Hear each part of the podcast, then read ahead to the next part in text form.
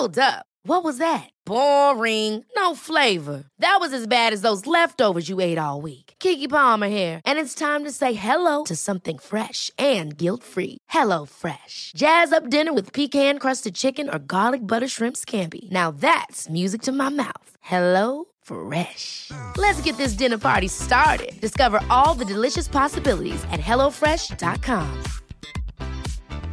Hey, it's Ryan Reynolds, and I'm here with Keith, co star of my upcoming film, If, only in theaters, May 17th. Do you want to tell people the big news? All right, I'll do. Sign up now and you'll get unlimited for $15 a month and six months of Paramount Plus Essential Plan on us. Mintmobile.com slash switch. Upfront payment of $45 equivalent to $15 per month. Unlimited over 40 gigabytes per month. Face lower speeds. Videos at 480p. Active Mint customers by 531.24 get six months of Paramount Plus Essential Plan. Auto renews after six months. Offer ends May 31st, 2024. Separate Paramount Plus registration required. Terms and conditions apply if rated PG. Var det pressen som luktet statsråd blod og ikke ga seg før nok en toppolitiker måtte gå? Eller var det helt legitime spørsmål som aldri ble besvart? Norske journalister får ros for dekningen av krigen på bakken, men hva tenker de selv der de navigerer mellom stridsvogner, opphaussede dødstall, små barn i bomberom og lokal milits? Det lurer vi på i dag, Eva. Det gjør vi. Og for å få svar, så skal vi forsøke selvfølgelig å svare, men vi har også snakket med redaktøren i VG, som vel må kanskje bære noe av ansvaret for at regjeringens største stjerne slukna i går. Dette tar vi opp uh, Ja, torsdag. eller må, må han det? det Ja, eller må han det? Og så har du snakket med en reporter på bakken i eh, Ukraina Det har jeg. om hva han tenker om, om både sikkerheten og ikke minst propagandaen og hvordan det er å dekke dette. En mann på plass i krigen. Ja.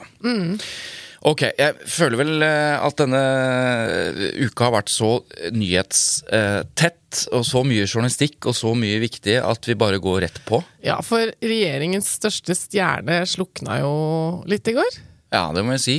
Eh, Vi så jo eh, begge pressekonferansene, Svein Tore, og det er veldig mange som har kommentert den. De fleste er jo enige om at det her var en veldig spesiell seanse. Altså uklarhet om hva hun egentlig beklaget, og ikke akkurat en overflod av ydmykhet. Nei, det er vel liksom hovedkonklusjonen på det. Ja, Jeg tror til og med en eh, kommentator, eh, eh, Skjalg Gjellheim fra Nordlys, sa vel at det var det mest spesielle Eller hva var det han sa? Han, det var liksom eh, At man nærmest aldri hadde sett noe så lite ydmykt eh, i, politikken. ja. Det er jo ikke en kommentator som ikke har ment noe om den pressekonferansen. Jeg har ikke hørt eh, dem alle ennå. Men, eh, men hva syns vi, da? Ja, altså Før vi sier noe om det, så med fare for at ikke alle hørte de to foregående episodene, del én og del to, så er det bare en kort disclaimer. Undertegnede har da jobbet som rådgiver for Hadia Tajik eh, på Stortinget. Det er nå fem år siden. Ja. Og vi har vi avklart det. at uh, det må være greit. Ja, Hvem er det vi har avklart det med, egentlig? Med meg. ja, ok. Eh, men eh, men eh, hva tenker du? Altså, jeg eh, må si at eh, den første, den regisserte delen av pressekonferansen, altså den talen som Hadia Tajik eh, hadde planlagt på forhånd, den syns jeg jo var veldig god i den forstand at i de ti minuttene, eller hva det varte, så tenkte jeg her har vi en potensiell statsminister. Ikke sant? Det var så godt fremført. Det var så brennende. Det, altså hun hadde jo øvd seg veldig på å se blid ut. Hun, de hadde jo sett for seg at dette klippet her skal gå. ikke sant? Her skal jeg se ut som jeg er stolt og med rak rygg og sånn. Og jeg syns egentlig også budskapet i talen var veldig fint, gitt en annen situasjon. Ja, At hun ikke Så det var jo en veldig flott tale. Og så syns jeg, når det kom til spørsmålene, så falt jo alt helt sammen. For mm. da var det liksom ikke mulig å få et eneste svar på noen ting. Og det var den samme regla. Og det var sånn studie på det vi som kommunikasjonsrådgivere er ekstremt opptatt av, nemlig svar på spørsmålet. For helvete. Altså, du trenger jo ikke å svare på helt konkret på alle ting som du ikke har lyst til å si noe om, men du må jo liksom forholde deg til det folk lurer på. Og de samme spørsmålene kom og kom og kom, og hun bare kjørte på med de samme setningene. Det er jo veldig frustrerende. Og så blir jeg sittende sånn Alt er ubehagelig, syns jeg, som seer. Ja. Jeg blir litt irritert på de journalistene som liksom Men så tenker jeg jo, men det skulle jo bare mangle. Og så blir jeg Altså, det er bare så ubehagelig, hele greiene. Før jeg sier hva jeg tenker, eh, en refleksjon rundt akkurat dette med talepunkter, som bare, du bare sier det Ja. samme, eller du har bestemt deg, du svarer ikke på spørsmålet.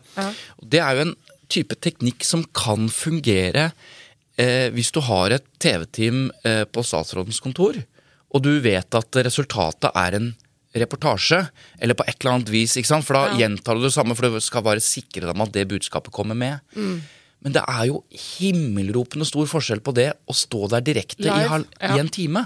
Fordi da, da blir jo hele den dynamikk, eller hele den taktikken blir jo avslørt på direkten. Det er akkurat det. Men um, jeg, jeg er enig med deg, eh, og jeg syns du sier det så bra, at uh, gitt en annen situasjon Og det er derfor noen kommentatorer også sier at hun kommuniserer bra. Hun gjør jo alt riktig, er det noen som har sagt. Ja. Nei, hun gjør alt feil Ja. her. Men, men jeg skjønner liksom litt hva hun mener. Fordi eh, og så sier veldig mange, eh, og her er jeg uenig med mange av de i hvert fall kommentatorene som kommenterte rett etterpå, fordi de sier at det er, helt, det er uklart hva hun beklager. Nei, det er faktisk ikke uklart hva hun beklager. Det er uklart hvorfor hun velger å gå. Altså, hun beklager helt tydelig at hun gjorde feil, og hun får spørsmål om hvilke feil, og da klamrer hun seg til at hun ikke ga sin arbeidsgiver Riktig, informasjon. Så det er Hun har ikke brutt noe lov. Nei. Hun har ikke spekulert, ifølge henne selv. Det er det eneste hun beklager. Så det er Mm. ikke uklart hva hun beklager. Det som er uklart, er hvorfor hun velger å gå. Mm. For der sier hun at disse spørsmålene og svarene står i veien for det gode arbeidet. Jeg tar en for laget, jeg går av. Så ja, Der men syns er jeg hun roter seg litt bort, fordi da får man jo, selv om det ikke er det hun sier, så får man følelsen at det hun egentlig beklager her, er liksom eh, dialogen. greia, det som har skjedd. Ja, ikke sant? ja. Og hvem er det som har ansvaret for det? Er det hun, eller er det media? Og, ikke sant? Så det er uklart for meg hvorfor hun velger å gå av. Det virker eh, noen ganger når hun svarer som at det er media sin skyld for at ikke hun får gjort jobben sin. Så sier hun at eh, det, er, det er riktig å stille spørsmål, jeg må tåle det som Ja. maktmenneske osv. Men det er der det er den derre uklarheten i hvorfor hun velger å gå av, eh, kombinert med at hun viser retorisk sett en slags anger eller beklager, men hele seansen i sum og måten hun reagerer på og, svarer på spørsmål på, eh, det, er, det er rett og slett ikke Det står ikke til troende, da. Mm. og jeg Ja. Hun mener fortsatt at hun hadde rett til gratis og skattefri bolig i Oslo, skriver Aslak Eriksrud i TV 2. Samtidig som hun bodde hjemme hos mor og far. Det er et halmstrå som kanskje ville ha holdt henne utenfor politiets søkelys, men det er ikke spesielt klokt hvis du ønsker å gjenvinne folks tillit. Nei, og her er hele greiene. Hun er jurist.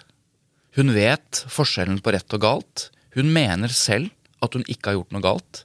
Og da mener hun at så lenge hun ikke har gjort noe galt, sånn som jeg tolker det, ja, så må hun da si det. Og så må hun bare beklage de tingene hun rent faktisk mener har gjort feil. Og det er én ting. Og det er klart at det, det holder ikke i politikken når du har havnet i den situasjonen uh, du er i. Uh, og som den samme Aslak Eriksrud skriver, i dag fremstår hun mer som et offer enn en ydmyk og angrende synder. Og så enkelt er dette uh, i politikken når ting handler om, om tillit. Og det er ja, det er veldig det er vanskelig er å sitte og se på. Ja, I en sånn situasjon eh, som eh, flere politikere nå har vært i. eh, Det er ikke like saker, men det er i samme, samme sakskompleks, samme pendlerbolig. Vi har sett dem falle én etter én. Og da kommer jo personligheten til hver enkelt politiker veldig tydelig fram. Eh, Vi snakket om eh, Ropstad sist. Eh, Man har sett eh, noen trekk, eh, i hvert fall i etterkant av saken, som har vært veldig positive. En angrende mann som innrømmer, eh, rett og slett, og ber om tilgivelse. Tilgivelse ba jo også Hadia Tajik om.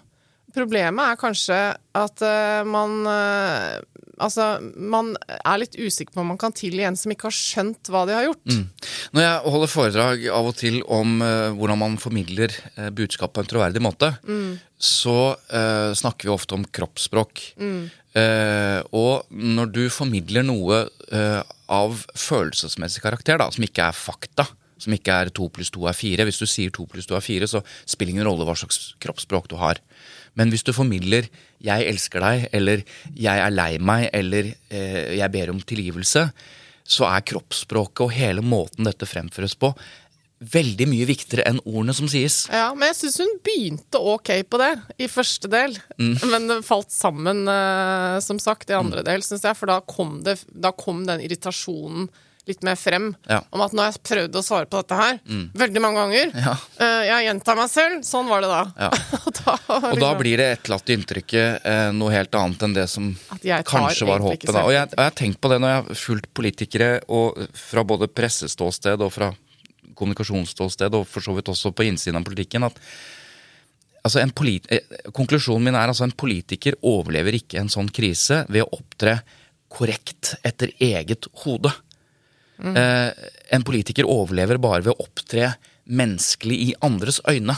Og det er så stor forskjell på det. Eh, og det er der eh, Ropstad, ikke sant, når han sitter og, og beklager helt oppriktig Alle opplever det som riktig. Man I våre at øyne. han forstår.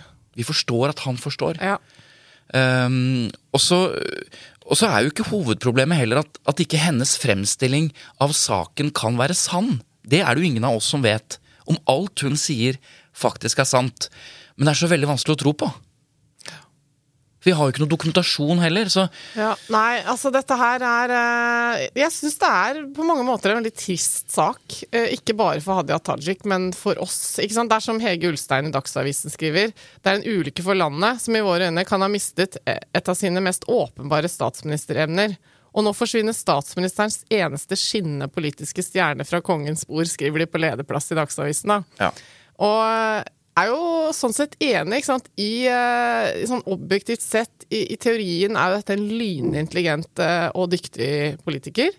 Og så er det kanskje det, det flinkis-trekket hos Hadia Tajik som nå eh, som, som rammer henne litt på et vis. Da. At hun klarer ikke å legge vekk eh, den der perfekte fasaden og bare vise litt mer menneskelighet. Det er jo kanskje det som hadde vært løsningen nå.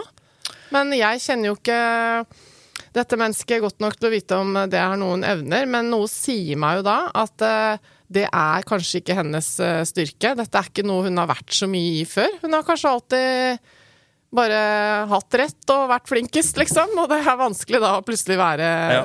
Så nå har hun blitt offer, da. For selv om hun var Hun sa alle de riktige tingene. Hun sa unnskyld, hun ba om tilgivelse, hun innrømmet sånn og sånn. Så, så, sto, så altså, sto hun der som et offer på et vis allikevel, Igor. Ja, jeg, jeg er jo ikke så komfortabel med å gå inn i hennes eh, liksom, og diskutere Nei. hennes personlighet. Nei, det er all derfor jeg den nå tid- sitter her og spekulerer, All den jeg tid jeg kjenner på en måte eh, eh, nettopp har, kjenner hennes, eh, henne eh, fra den gangen jeg jobbet med henne. Men, men det er derfor jeg forsøker å, å se på dette utenfra. Eh, som hvordan ser det ut Ja. fra et faglig ståsted. Og, og det som blir interessant nå, eh, fra både et eh, kommunikasjonsfaglig, men også et politisk ståsted, det er jo det betimelige spørsmålet som stilles. Hvordan kan du erkjenne at du ikke har tillit som eh, statsråd, men samtidig hevde og, og gjøre krav på en slags tillit som nestleder?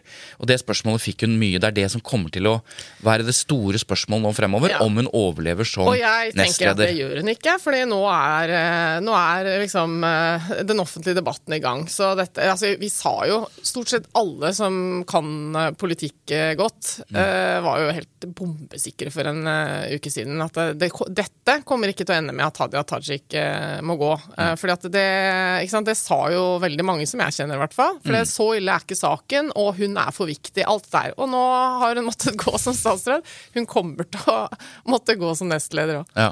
Men, Bare så eh, vi er, er presise på det. Altså, Um en statsråd uh, er jo avhengig av eh, å ha tillit til den jobben man gjør. Men det er Ja. ikke et tillitsverv, så det betyr at du må ta den beslutningen selv om Ja. du skal gå av. Eller statsministeren kan ta den beslutningen. Mm. I dette tilfellet så sier hun uh, at det var jeg som tok beslutningen, jeg ba om det. Ja. Og det er for så var vidt klokkeklar. ja, og det er for så vidt uh, greit.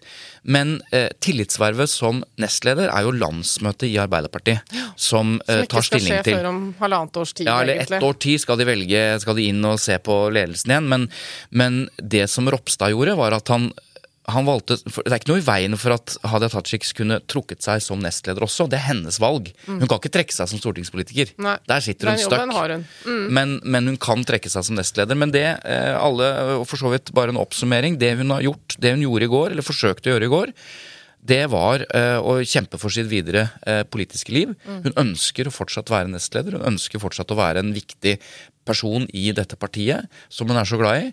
Og det er det hun prøver på. Men som, jeg, som vi skal høre også nå når, jeg, når vi hører hva Gard Steiro, som er VGs ansvarlige redaktør, som jo er ansvarlig for denne saken, Den som saken fikk henne som til å gå til Så ja.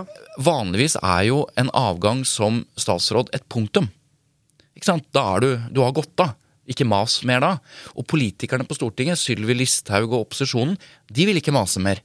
Ja, Fordi- altså, Sylvi Listhaug har vært der selv, og er Ja, tilbake minst. som partileder i Men, men legg FrP, merke til at de, for- de kan ikke være annet enn fornøyd, fordi at de eh, For statsråden svarer til Stortinget, men nestlederen av Arbeiderpartiet svarer jo ikke til Stortinget. Nei, så de har ikke noe mer mm. mission her. Men eh, pressen har det, fordi pressen har ikke fått svar. Og LO har ikke fått svar. eh, og Arbeiderpartiets velgere har ikke fått svar. eh, sånn at eh, dette er ikke noe punktum. Nei, nettopp, og derfor så tror jeg det ender eh, der jeg sa, men eh, jeg som menneske Jeg, jeg syns dette er veldig frustrerende. Verken Hadia Tajik eller Jonas Gahr Støre klarte å svare noe bra på, på den logikken som du prøver å forklare nå. Hvorfor kan hun fortsette som nestleder, ikke sant? Og jeg tenker at det er vel et slags svar på det.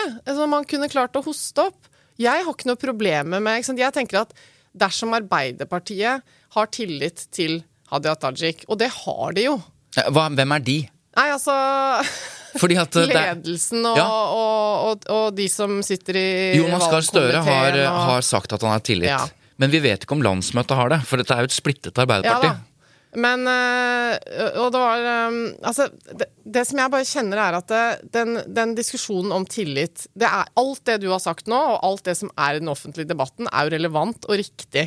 Man er avhengig av tillit. Samtidig så føler jeg at det, Jo, men innerst inne så har man vel tillit til at Hadia Tajik er en rettskaffen, eh, dyktig og samvittighetsfull politiker i dag. Og så har hun jo nå eh, åpenbart gjort noe som i hvert fall er spekulativt for mange år siden når det kommer til skatteplanlegging og sånn. Hun sier selv at det har hun ikke gjort, men det er jo det alle føler at er ganske åpenbart når de ser sakene. For nå har det jo kommet en ny sak i Dagbladet. til... Ja, en Dagbladet hadde en sak i går kveld Om en som leilighet som hun eide sammen med broren sin, eh, og så etter en stund eh, solgt sin andel til broren eh, Uten uten, verdistigning. noen eh, verdistigning. Eh, for så å selge den leiligheten akkurat når du kan det, for å slippe å skatte av Altså, han solgte da Ja. leiligheten og fikk gevinsten. Så det er mye sånne ting som veldig mange mennesker Mm. eh, som jeg kjenner, også gjør fordi de kan skattereglene, og da gjør man de tingene man skal eh, for å liksom komme best mulig ut av det. Fordi man driver med eh, boliginvesteringer, eksempel. Men, men du sier at uh, jeg tror de fleste har tillit til at hun er en rettskaffen. Jeg tror det, noe, Problemet nå er det at man er litt usikker, eller mange er usikre Ja. på hun har vært så rettskaffen som hun gir inntrykk av selv. Men det jeg er enig i, er at jeg tror de fleste har tillit til at hun fortsatt er en dyktig politiker. Og ikke minst tror at hun både kunne ha gjort, fortsatt gjort en god jobb som arbeidsminister, som har fått masse skryt for, og hun kan åpenbart gjøre en kjempegod jobb som politiker i fremtiden. Det tror jeg fortsatt selv de største kritikerne tenker at hun har. Men det er ikke det som er spørsmålet. Spørsmålet er ikke om hun er en god politiker. Eller intelligent og Nei, dyktig. og man har tillit. Og, Ja, og, og, og husk på at som politiker så, så handler jo Det er jo tillitsverv. ja da. Og, da, og, og mange har pekt på at LO, og det var voldsomt, det husker jeg da det kom denne uka, tre av LO-toppene, inkludert LO-lederen, gikk ut eh, i VG.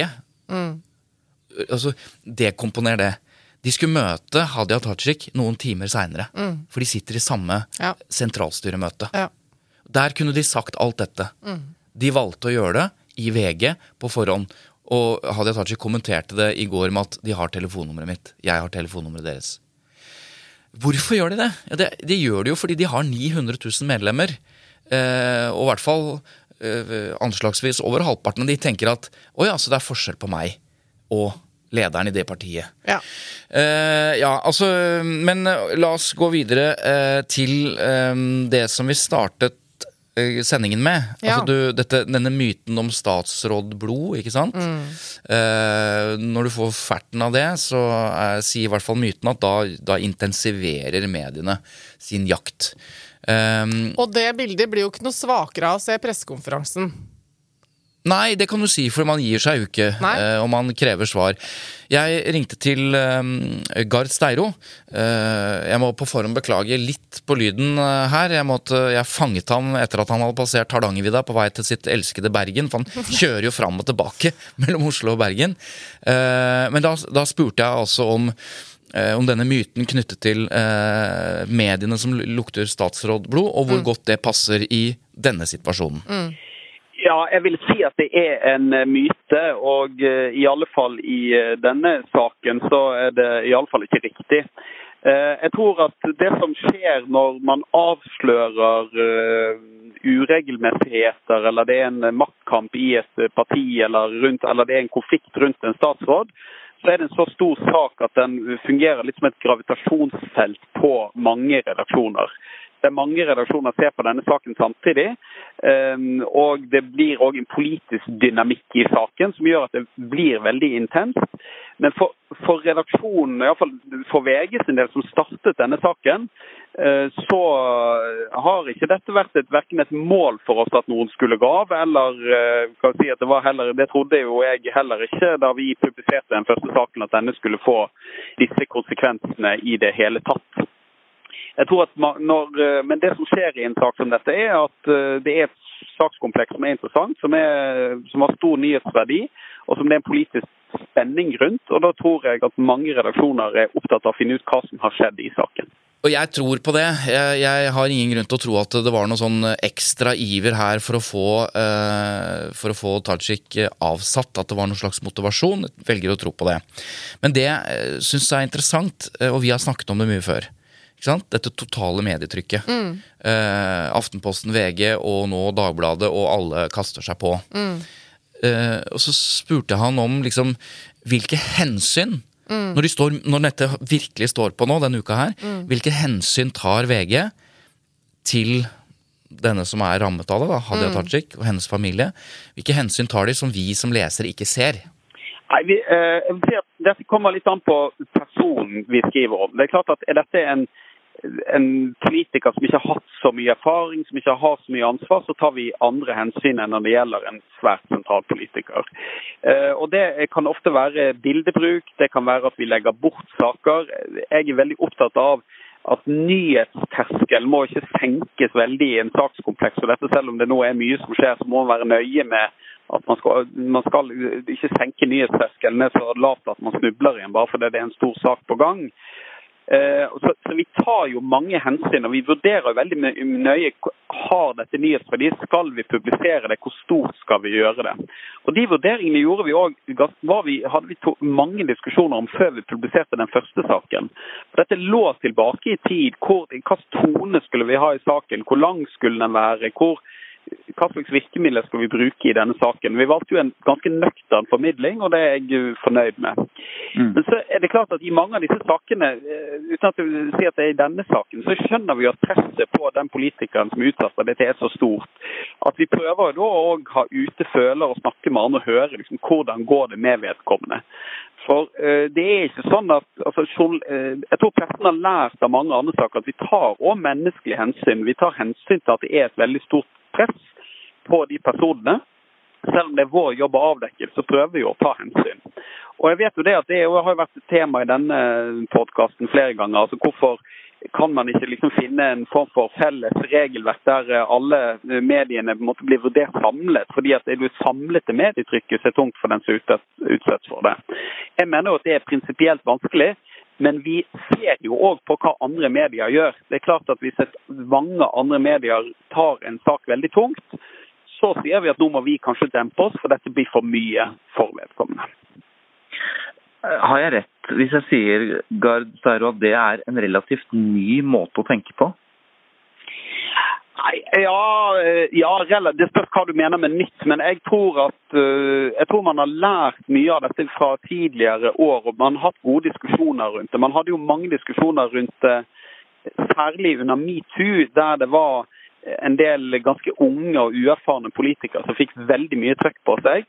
Men dette er jo noe som jeg vil si går helt tilbake egentlig til, eh, til de store sakene vi har hatt med Tore Tønne og andre som har andre som har blitt utsatt for veldig mye trøkk. Vi, altså, vi er jo interessert i dette, vi som jobber i mediene og lærer av det. Jeg vil jo si at alle redaktører bør følge forskningen til Fanny Duckert og lese boken til Fanny Duckert om dette temaet, der man kan forstå litt hva det vil ha altså, Hvordan det oppleves å stå i en veldig tung mediestorm. Og Da må vi være prinsipielle i tilnærmelsen. Vi kan ikke ha et regelverk som begrenser uh, mediene. Man må, Enhver redaksjon og redaktør må stilles til ansvar for det man sjøl gjør.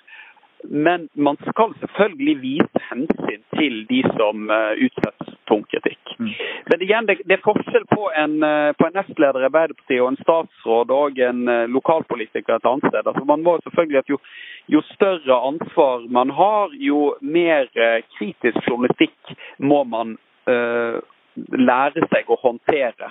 Eh, og, og, eh, og, de politikerne og de som virkelig utsettes for den tøffeste journalistikken ofte, har jo ofte et apparat rundt seg som gjør de bedre i stand til å håndtere den type presse. Ja, nei, Det er ikke noen grunn til å betvile Gard Steiros uh, intensjoner her i det hele tatt. Men uh, Altså, hva, Sa han noe om pressekonferansen i går? Hvordan han så den? Hadde han fått med seg den, eller var han i bilen? Ja, da, nei, Han har fått med seg den, og han, han bruker jo noen av de samme ordene. At han, han syns det, eh, det, er underlig. Eh, og, og um, jeg spurte han liksom hvordan eh, Ja, hvordan han så det, da. Mm. Eh, og da svarer han dette jeg, jeg, oppfattet at hun var opptatt av å nyansere et bilde. At hun har lykkes med mye som politiker, lykkes mye som nå som arbeidsminister, eh, og at dette er en, for så vidt en sak som ligger langt tilbake i tid. Så eh, syns jeg det er noe underlig at hun peker på alle disse spørsmålene som er stilt. Jeg stusset jo litt over det òg. Hun har jo samtidig sagt at dette er sagt at VGs journalistikk har vært eh, god kritisk journalistikk, som en statsråd må regne med. Eh, men eh, det er jo ikke, utfordringen i saken er jo egentlig ikke spørsmålene, men det er jo svarene og mangelen på svar. Og Noe av det jeg fortsatt stusser over, selv på en dag som dette, er at det er jo fortsatt en del informasjon vi ikke har fått ut ennå. Eh, og for mediene så syns jeg iallfall det er svært interessant å få ut denne dialogen hun har hatt med Aftenposten, i og med at hun gikk så hardt ut mot Aftenposten og kalte dette det som hadde skjedd, en presseskandale. Eh, og Da syns jeg det er litt underlig at hun holder tilbake den informasjonen fortsatt. Det er jo, Der står hun jo fritt til å selvfølgelig dele med offentligheten og dele med mediene hvis hun ønsker det. Eh, og Det syns jeg er litt underlig. For oss er det viktigste fortsatt å jobbe videre med denne saken og prøve å få svar på hva som har skjedd. Eh, for er, der er vi ikke helt i mål ennå, selv om hun har trukket seg. Vanlig. Det kan jo godt hende at de svarene vi finner mm. er til, eh, til Tajiks gunst, at det er til fordel for henne, for alt vi vet. Vi vet jo ikke om det ligger mer eh, kritikkverdig her, eller det kan være opplysninger som kan være til hennes fordel. Men vårt mål Jeg syns det er vanskelig å slutte det arbeidet før vi har fått svar på de spørsmålene vi har stilt. Tror Gard Serro har rett i det, at det er ikke noe punktum for denne saken. Og ja, det kommer til å fortsette til hun ikke er nestleder i Arbeiderpartiet lenger. Det er jeg ganske sikker på. Jeg er usikker på det. Ja. Jeg er usikker Nei, men, på om hun altså, overlever. Det er, ikke noe poeng her å sitte og prøve å ha rett. Jeg bare tror det. Og det som jeg syns altså, Veldig fint å høre svarene til Gahr Steiro. Jeg syns generelt han er veldig flink til å svare på, på si, vanskelige presseetiske vurderinger i pressen. Men, men det som jeg syns mangler i denne praten, som jeg gjerne også skulle stilt han spørsmål om, eller hørt tankene hans om, er vel egentlig det som jeg sitter og kjenner litt på, nemlig det er jo ikke altså En ting er hensynet til den som er i stormen, eh, som du spurte han om. Det er fint å høre at de tenker på det.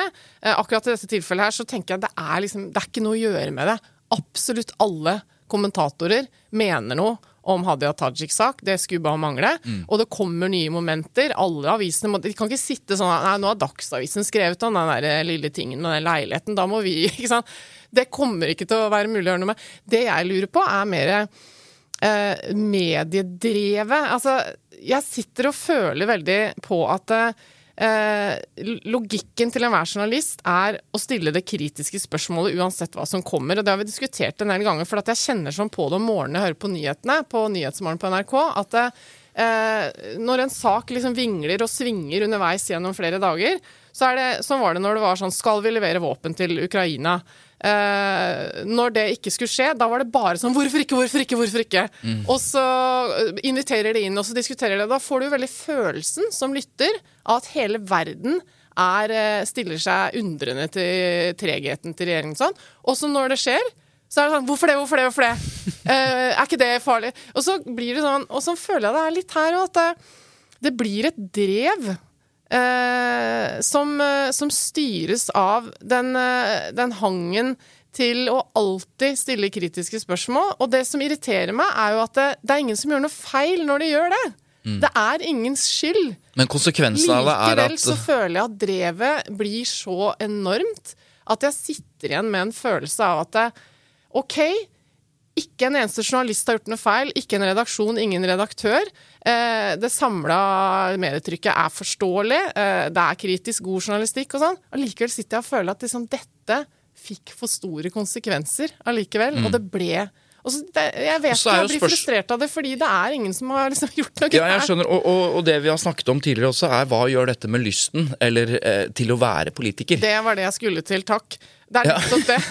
Eh, Det er nettopp det jeg føler. At eh, nå har vi mista Torbjørn Røe Isaksen eh, av en helt annen grunn, antagelig. ikke sant? Vi har jo snakket med han i denne podkasten også. Men eh, alle nevner jo, eh, direkte eller indirekte, presset og belastningen det er å være i offentligheten. Eh, og jeg klarer veldig godt å se for meg at en som Hadia Tajik eller Torbjørn Røe Isaksen etter en svær sak hvor de er hovedperson, kan sitte og tenke sånn at det her gidder jeg bare ikke mer. Nei. Ikke fader om Det- jeg orker Og det har jo jeg tenkt i hele livet. Altså, hvem orker Dette har en vært sånn en, en debatt eh, faktisk også i de siste ukene på Stortinget, hvor en eh, Fremskrittspartipolitiker fra jeg tror det er fra Møre et eller annet sted, som tok opp dette dessverre på en måte som gjorde at han gjorde seg selv til et voldsomt offer. Ja. Men poengene hans var interessante. Han reiser hjem fra Stortinget, hjem til hjemstedet, får bare kjeft. Han får kjeft herfra til evigheten. Han får kjeft hjemme. Altså i lokalsamfunnet, på Facebook, sånn, på Stortinget. Han får kjeft av Mimir Kristiansson eh, etterpå. Og så kommer da en rake motsetning til han, nemlig Mimir Kristiansson fra Rødt, som er en liksom gudbenådet eh, retoriker og Absolutt, debattant. ja. Men han er ganske fersk. Han har ikke sittet på Stortinget mer enn et kvarter, og han har ikke fått mye kjeft.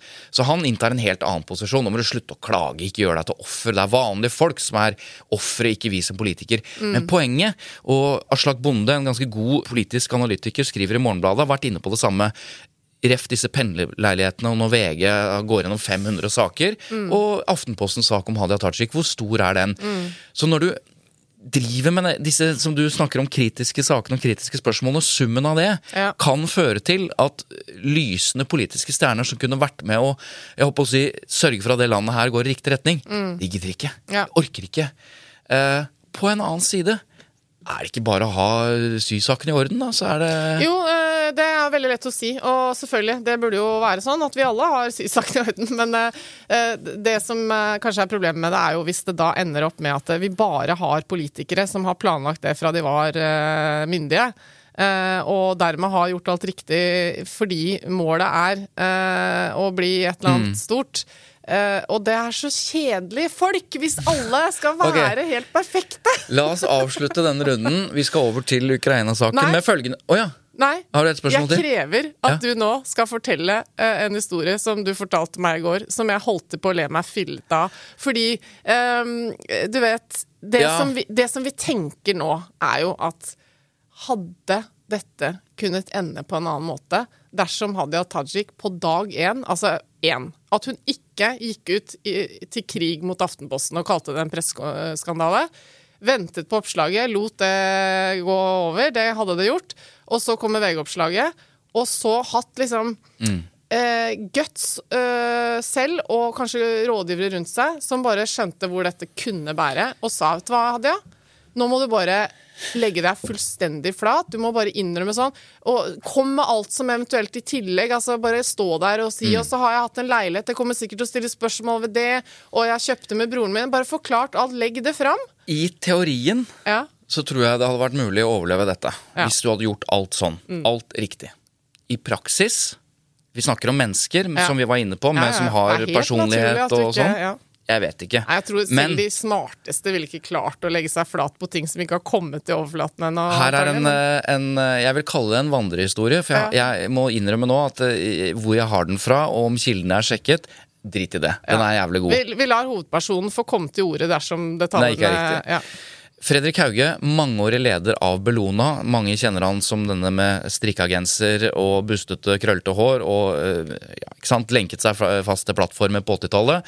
I dag driver han fortsatt med eh, miljø og klima, men fra en litt annet ståsted. Han, Det var noe rot i Bellona for mange mange år siden. Det var noe regnskapsgreier, og det var noe kritikk av han. Eh, og han kunne selvfølgelig forsøkt da på litt vanlig politikermåte å skjule det eller nedtone det, og det er ikke så viktig og det er ikke så vanskelig. Han gjorde det stikk motsatte. Han inviterte hele Presse-Norge inn på kontoret. Jeg ser det på. Og så, og så sa han bare Der sto det 10-15 journalister. Altså, Og så- I går så, så, så spilte du også dette ja, ja. ut. Men se for deg det. Så står han der, eh, litt sånn trøtt i trynet og med røyken i, i kjeften, og bare sier Her er regnskapene fra, fra tidenes morgen fram til i dag. Det er rotete, det er papirer, det er permer overalt. Bare sånn. Det er sikkert, Her er det sikkert mye rot.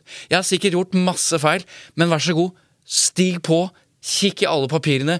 Jeg går og tar meg en kaffe lenge, så lenge. Og, der, og jeg ser det på en måte for meg at der står Aftenposten si, på knærne side om side med VG og Dagbladet, og så kikker de på hverandre og tenker de Nei, dette her gidder vi faen ikke å drive med. Dette orker vi ikke. Skal vi drive og rydde opp et Men det er jo poenget er at det er potensielt mye greier der ikke sant, som de kunne funnet av. Men for det første, de står side ved side.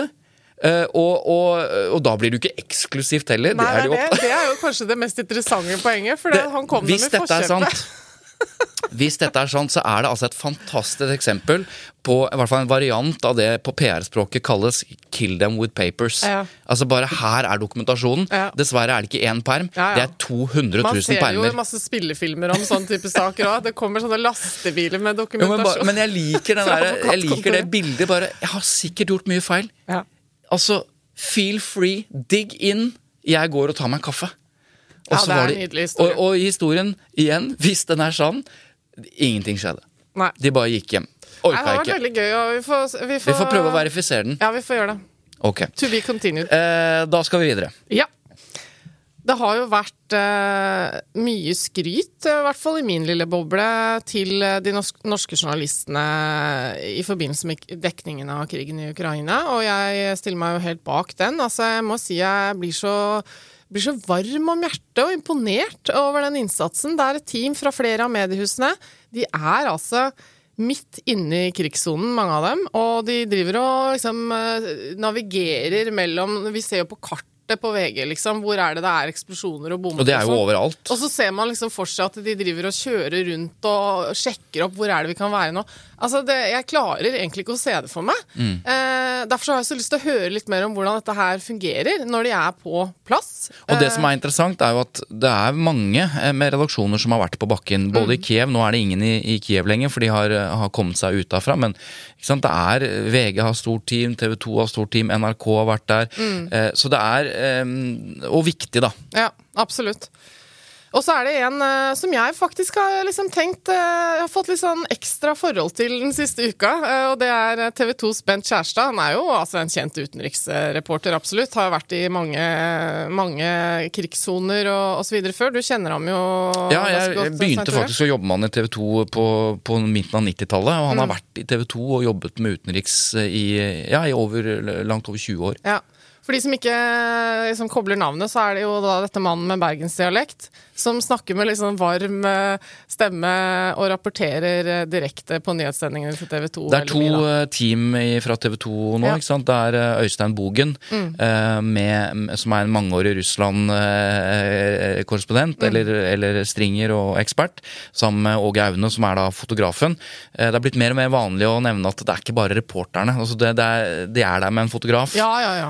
Og, Og en fikser, og en som fikser. de kaller det. Og så er det Bent, Skjærstad som, som vel har en som heter Paul, som er fotografen her. Så de er to team på ulike steder Ja. i, eh, i, Russland, nei, i Ukraina. Vi har snakket om det før eh, i andre episoder. En fikser er jo da en eh, lokal person som kjenner eh, de lokale forholdene eh, bedre enn eh, Mm. de norske åpenbart kan gjøre, og så- som de ofte har med seg rundt omkring. Eh, men det, ja, det, jeg lurte på da, eh, med, med, dette navigeringen mellom bomber og eksplosjoner, nærmest, hvordan jobber de egentlig med sikkerheten? Har han ansvaret for å vurdere den selv, eh, eller hvor mye bestemmer arbeidsgiveren hans dette, mm. egentlig? Mm. Det, der har vi veldig god dialog, vil jeg si. Det, jeg har jo Aslaug Cecilie Henriksen som er sjefen min. og jeg vet ikke hvor mange timer jeg snakker med henne i løpet av en uke, men, men, vi har en ekstremt god dialog. Vi vurderer de tingene veldig nøye. Og dette vurderer jo vi all forflytning og sånne ting, så det vurderer vi uh, oss imellom. Uh, og vi vurderer det samme sikkerhetsselskapet som vi samarbeider med. Og vi vurderer det i samråd med andre kolleger. Jeg er med i Signal-gruppe som EBU har uh, her. Og uh, jeg er med i uh, en EBU-gruppe der forskjellige journalister melder inn om sine forflytninger og veier de har tatt og, og sånne ting.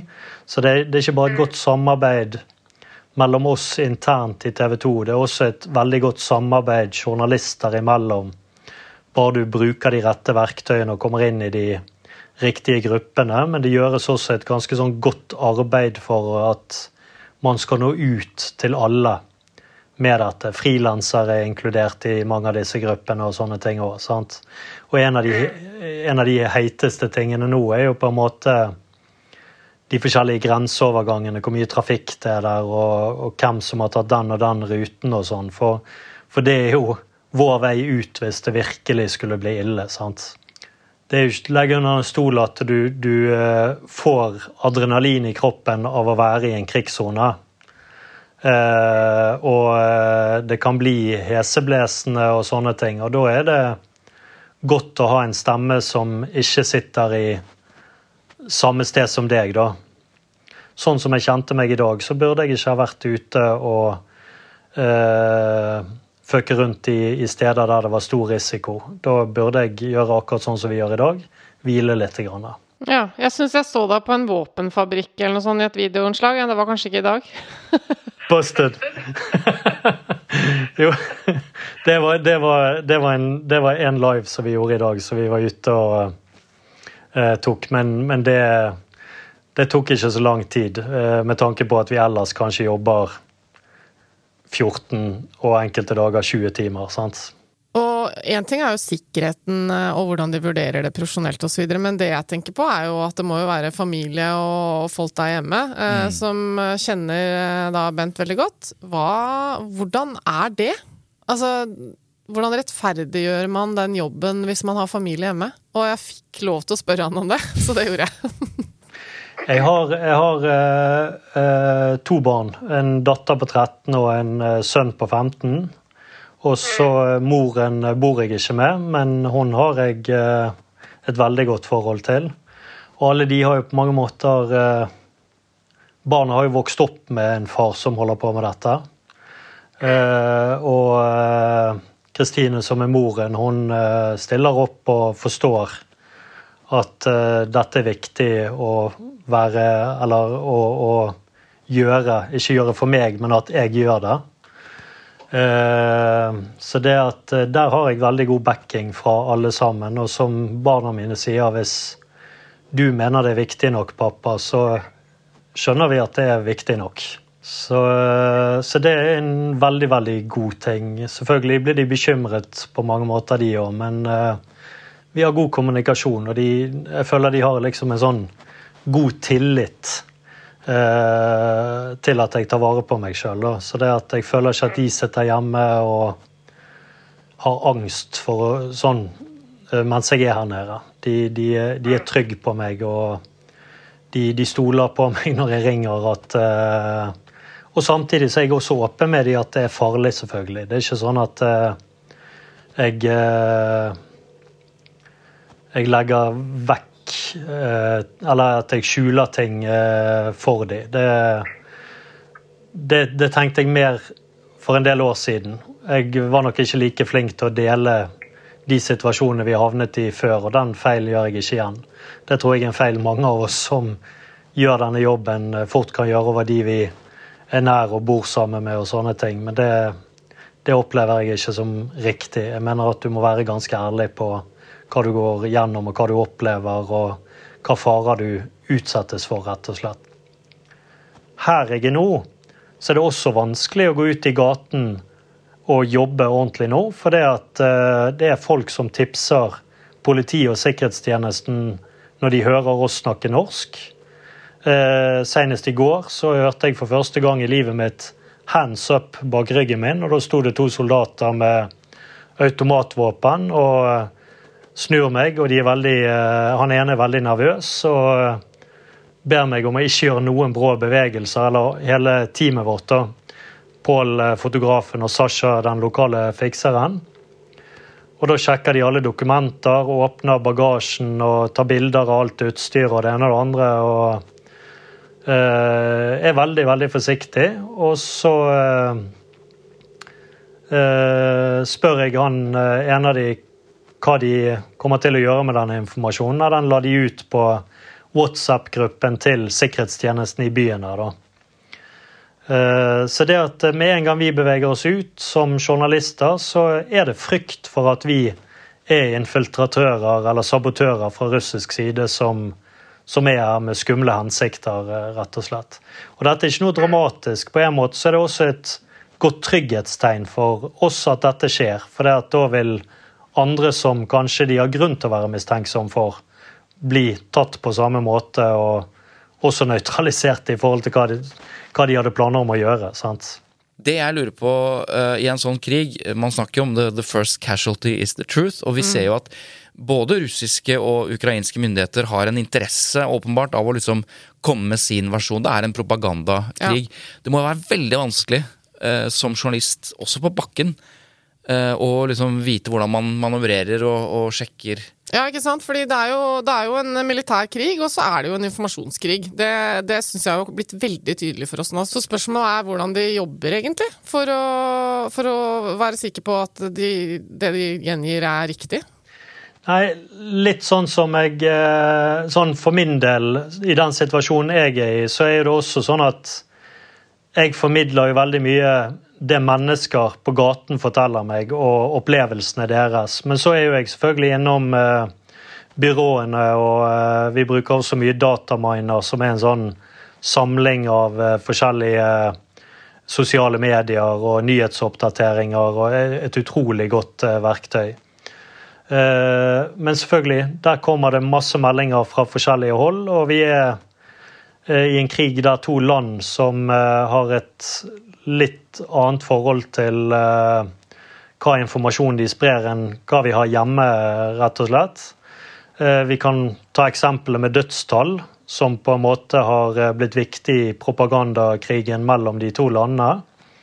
For jeg tror nok ukrainerne er veldig klar over at Putin vil få et problem eh, dersom de russiske dødstallene er veldig høye. Så de, de har jo operert med veldig høye dødstall eh, på russiske soldater fra ukrainsk side. Og nå ser vi russerne komme samtidig med veldig høye dødstall på ukrainsk eh, side. Eh, så det er jo en del av informasjonskrigen. Og så er det masse forskjellige nivåer den går på. Og det må jo vi selvfølgelig ta hensyn til i rapporteringen vår. Vi må ta de forbeholdene. Vi må lete etter kilder vi kan stole på. Uh, og det er en kjempeutfordring her nede. Det er det ingen tvil om. Det, det jeg opplever uh, når jeg snakker med uh, journalister som har vært mye ute i krig, er at de, de, minner meg av og til på at det er mye vi ikke ser, eller hva skal jeg si, som vi kanskje ikke tenker på, da. Mm.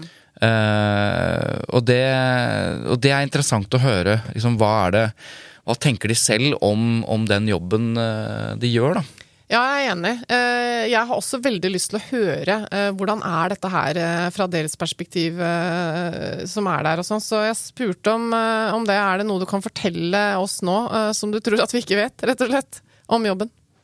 En ting jeg kan si, er jo det at denne krigen og veldig mange andre kriger, så er det en enorm respons på sosiale medier. Sant? Der mennesker tenker i utgangspunktet at gud, hvor forferdelig det er det du opplever.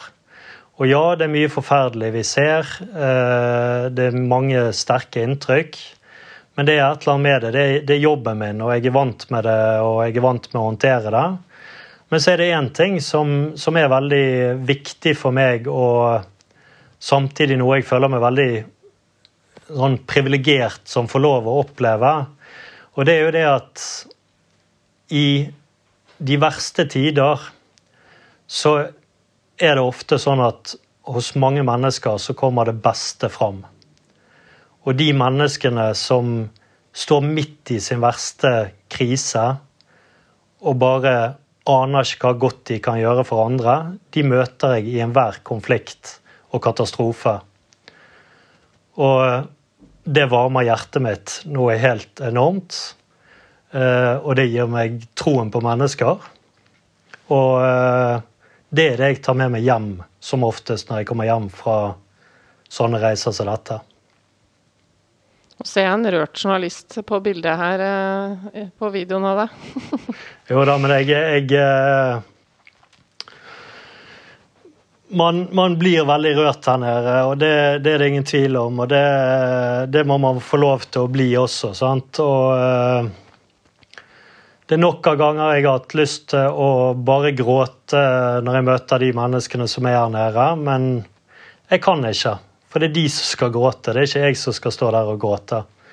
Eh, er det noen som har grunn til å gråte, så er det de menneskene som opplever at landet sitt blir invadert. Og de blir liksom ikke invadert av hvem som helst, de blir invadert av Europas sterkeste hær. Eh, og eh, det som en sa i resepsjonen på det forrige hotellet vi bodde på, at det de er redd for, er at eh, når soldatene står så godt imot de russiske styrkene, så er Putin som en liten unge. Hvis han ikke kan få det, så ødelegger han det. Og det er det de er redd for nå, at han skal søndagbombe alle storbyene og bare legge det i grus. Og eh, fordi at han rett og slett ikke kan få det. sant? Men tenker du at eh, når du rapporterer, så, så er det din jobb å ikke vise oss seere hva du mener om partene i denne krigen? Eller hva, hvordan tenker du rundt det? Ja, det føler jeg er viktig at uh, jeg uh, ikke skal gjøre i altfor stor grad. Men når du ser det som er åpenbart brutale overgrep, så må du også kunne få lov å uh, formidle at uh, du ikke syns det er rett. Og at det, du, må, du, må, på en måte også kunne beskrive hva du syns om de handlingene. Men for meg er ikke det viktig at det er mine meninger som skal komme fram. Og uh, først og fremst så er det det vi ser, det vi opplever, og heller la de vi møter, sette ord på de tingene der. Og, og gi oss de meningene. Og så blir jo det ofte også en utfordring. Sånn som i denne krigen, så er det vanskelig å komme inn på russisk side. Det er vanskelig å komme inn i Russland generelt sett. Eh, og eh, da blir jo vi også plutselig fykende rundt på én side i krigen. Og da føler jeg nesten at det er enda viktigere å være balansert. Uh, og ikke, ikke at du skal stå der med de sterkeste meningene, rett og slett. Det er nok av meninger fra de vi møter. Folk har virkelig fått opp øynene, virker det som, for, eh, for den viktige jobb, Hvor avgjørende den jobben dere gjør, eh, er det nå. Hva tenker du? Motiverer det? Hva tenker du om all den skryten dere får? Er det Eh, selvfølgelig, selvfølgelig, er det godt å få gode tilbakemeldinger, for det, du er jo vant, veldig ofte vant med det helt motsatte, for å si det sånn. Da. Eh, men eh, det er ikke jeg og mine kollegaer som er historien her. Det er krigen og de menneskene som er fanget midt i krigen. Det er mitt svar på det.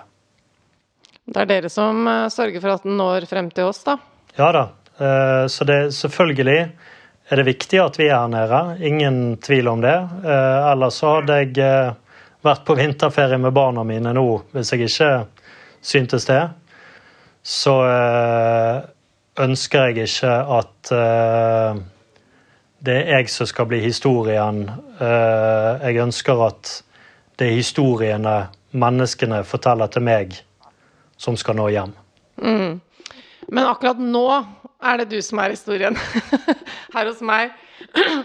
Så da har jeg lyst til å spørre, hva er det som eh, motiverer deg, hvis du klarer å oppsummere det, til å gjøre den jobben du gjør?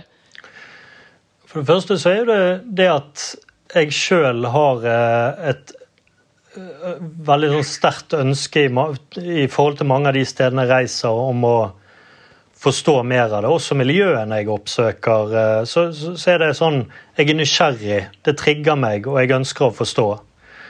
Eh, og som journalist så er det på en måte helt nødvendig å forstå for at du skal kunne sørge for at leserne og seerne forstår hva som foregår. Og det føler jeg er akkurat det jeg holder på med her nede. Å lage historier som sørger for at mennesker kan sette seg inn i den situasjonen de lever i her i Ukraina akkurat nå.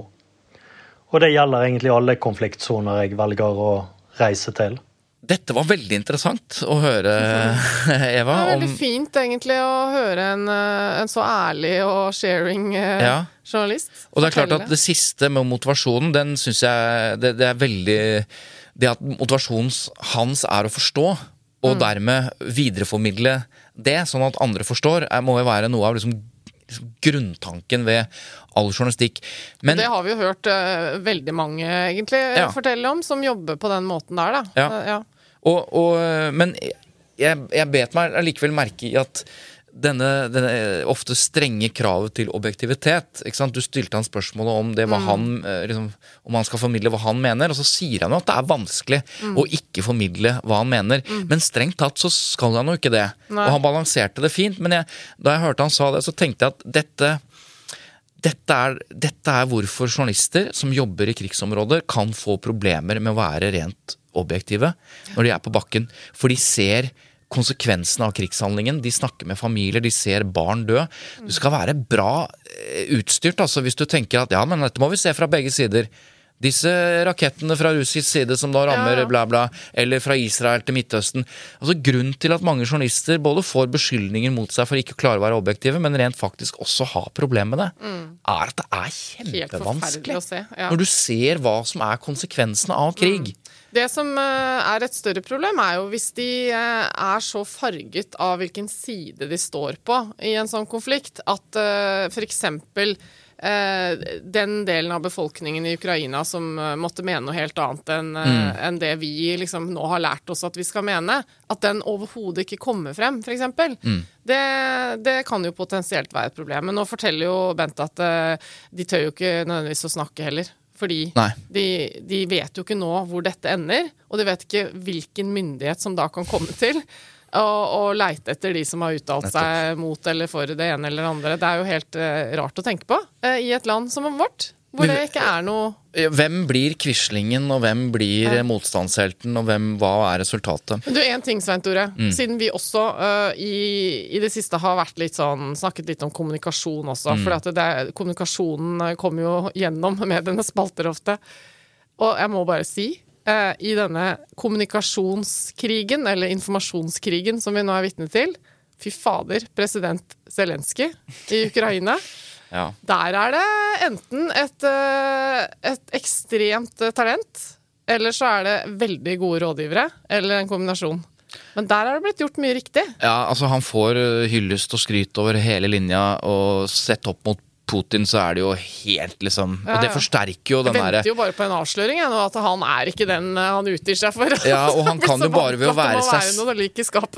Og bare ved å være seg selv, eh, så, så punkterer han jo disse påstandene og eh, konspirasjonsteoriene, eller hva det måtte være, om at sant, Ukraina er et høyreekstremt, eller at det er nazifisert og alt det der. Han er av jødisk herkomst, presidenten. altså bare, Ja. bare ved å være den han er, så er det bare hold smella på deg. Ja. Men nei, altså ja, han både kommuniserer og agerer og gjør alt til Altså, det er riktig. superhelt. Det, er, altså, det er jo vært mye kritikk mot uh, Ukraina. Mye korrupsjon, mye problemer egentlig i det politiske landskapet der. Men akkurat nå så fremstår han jo bare som eh, det partiet heter, nemlig Folkets tjener. Ja, virkelig. Rekker vi et, eh, et lyttespørsmål om noe helt annet, eller, eller kanskje ikke noe helt annet, men rekker vi noen lyttespørsmål eh, mot slutten? Et lite et, hvis vi har et som ikke krever en hel episode for å svare. Det er ikke om et annet tema, men vi har et lyttespørsmål. Eh, takk for en eh, Ja, nå, du vet hva vi skal takke for. Ja. Eh, så til mitt spørsmål. Pressefolk prater gjerne om kildevern, men har ikke pressen noen tradisjon for taushetsplikt? Som lærer, som han er da, med våre regler for taushetsplikt, høres det unektelig rart ut når Svein Tore og Trine Eilertsen åpent prater om en vanskelig kilde, nemlig Hadia Tajik, og beskriver hvordan hun nærmest ser på som et ses på som et problem i pressekretser. Er dette helt uproblematisk? Spørsmålstegn. Og da refererer han til vel del én av uh, Av forrige ukes episoder. ja, altså ikke forrige uke, men uka før der igjen, så snakket jo Trine Eilertsen Ja, om det. sånn Jeg det. spurte henne uh, hvordan hun vurderer uh, Hadia Tajik som politiker og som kilde å jobbe med. Og da var hun veldig åpen om at det var problematisk, Mm. og at andre syns også det. Mm, Det var ikke noe hemmelighet, Mm. på et vis. Jeg er litt usikker på hva lytteren mener, fordi eh, jeg, skjønner på en måte at det å snakke om kilder og deres, hvordan de er å forholde seg til, kan jo oppleves som at man snakker At det skal være noe kildebeskyttelse der, eh, på et vis. Jeg vet ja, ikke helt. Ja, Altså, ordet kildevern blir jo Feil. fe- helt feil Ja, i sammenhengen. man-. Men det er forståelig at man tenker at det er et, et logisk ord å bruke, så det er ikke noe big deal, det. Men, men kildevern er noe annet. Men jeg syns jo han har et veldig godt og interessant poeng. Eh, hvis dette ville blitt helt vanlig eh, å gjøre om alle som figurerer Ja. i pressens spalter, det Ja. ville jo vært sant, at man hele tiden skulle ha sånn polemiske replikker rundt eh, hvordan eh, dette intervjuobjektet var. Vi har, Altså, et- med, vi har snakket med han politikeren der. Han er for øvrig jævlig vrien. Han svarer aldri på spørsmål. Ja, Fordi oppfølgingsspørsmålet til lytteren er nemlig det. Kan, en slik, eller kan ikke en slik omtale av kilders opptreden Mm. i kontakt med mediene gjøre andre kilder, også de mindre profesjonelle, redde for å samhandle med pressen? Jo, du blir utlevert som på en måte Ja. hvordan du er i møte med media. Ja, Da. og det som jeg syns er litt interessant, er at hvis du stiller opp til et portrettintervju, som jo Du skal jo stort sett ha, ha gjort et eller annet i offentligheten for å, være, for å bli spurt om det, da, men da er jo hele opptreden i møte med journalisten en del av scenen som beskrives. Veldig ofte så er jo innledningen i et portrettintervju eh, Hun kommer inn, eh, alt er kaos, f.eks. Og er liksom, de prøver å beskrive personligheten. Og så snur hun seg mot rådgiveren og sier 'hva skal vi svare på det', for så eksempel. dette er jo liksom noe man er litt vant til. Men det er jo om de mest offentlige menneskene. Så jeg tror eh, de færreste journalister ville tatt seg friheten til å holde på sånn med Nettopp. folk som ikke Og- og sånn sett så fortjener det. Og de som fortjener det, er jo de mest mektige Ja. og offentlige politikerne. Og i denne saken, grunnen til at vi snakket om det, var jo at hele hennes Altså Aftenpostens konflikt med Hadia Tajik handlet om dette. Om hvordan hun ikke ville svare på spørsmål. Eh, en stor liksom, eh, liksom fram og tilbake med 70 sider e-post osv. Så, videre. så her var det jo på sett og vis veldig relevant å vurdere, eh, vurdere henne som Ja, Og hun er det, den mektigste kvinnen i eh, Norge. ja. Så det jeg tror, er at eh, Og det kan jeg si bare fordi at jeg har ikke noe relasjon til noen eh, i dette. Eh, Er at eh, nå har vi sett hvordan Hadia Tajik er i møte med pressen. Hvordan hun svarer, hvor, eh, hvor mye hun mener at hun har svaret og sannheten osv.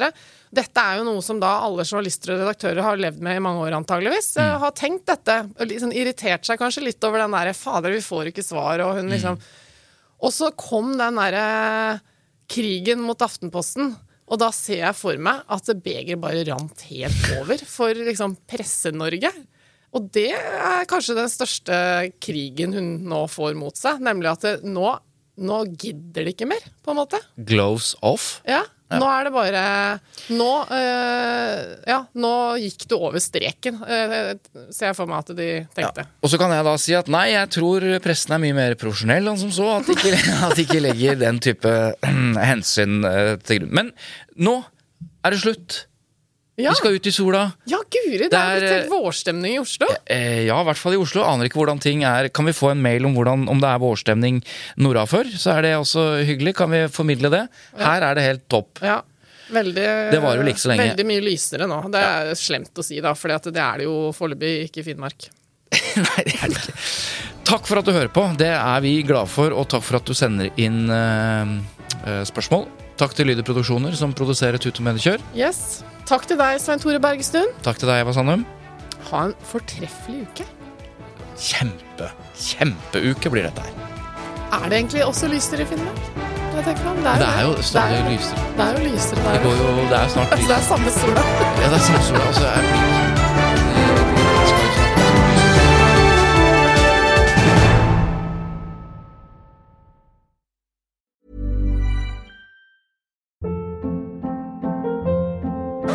Hold up. What was that? Boring. No flavor. That was as bad as those leftovers you ate all week. Kiki Palmer here, and it's time to say hello to something fresh and guilt-free. Hello Fresh. Jazz up dinner with pecan-crusted chicken or garlic butter shrimp scampi. Now that's music to my mouth. Hello Fresh. Let's get this dinner party started. Discover all the delicious possibilities at hellofresh.com. When you make decisions for your company, you look for the no brainers. And if you have a lot of mailing to do, stamps.com is the ultimate no brainer. It streamlines your processes to make your business more efficient, which makes you less busy. Mail checks, invoices, legal documents, and everything you need to keep your business running with stamps.com. Seamlessly connect with every major marketplace and shopping cart. Schedule package pickups and see your cheapest and fastest shipping options from different carriers with rates up to 89% off USPS and UPS rates. And with the stamps.com mobile app, you can take care of mailing and shipping wherever you are. Make the same no-brainer decision as over 1 million other businesses with stamps.com. Sign up with code program for a 4-week trial plus free postage and a free digital scale. No long-term commitments or contracts. That's stamps.com. Code program.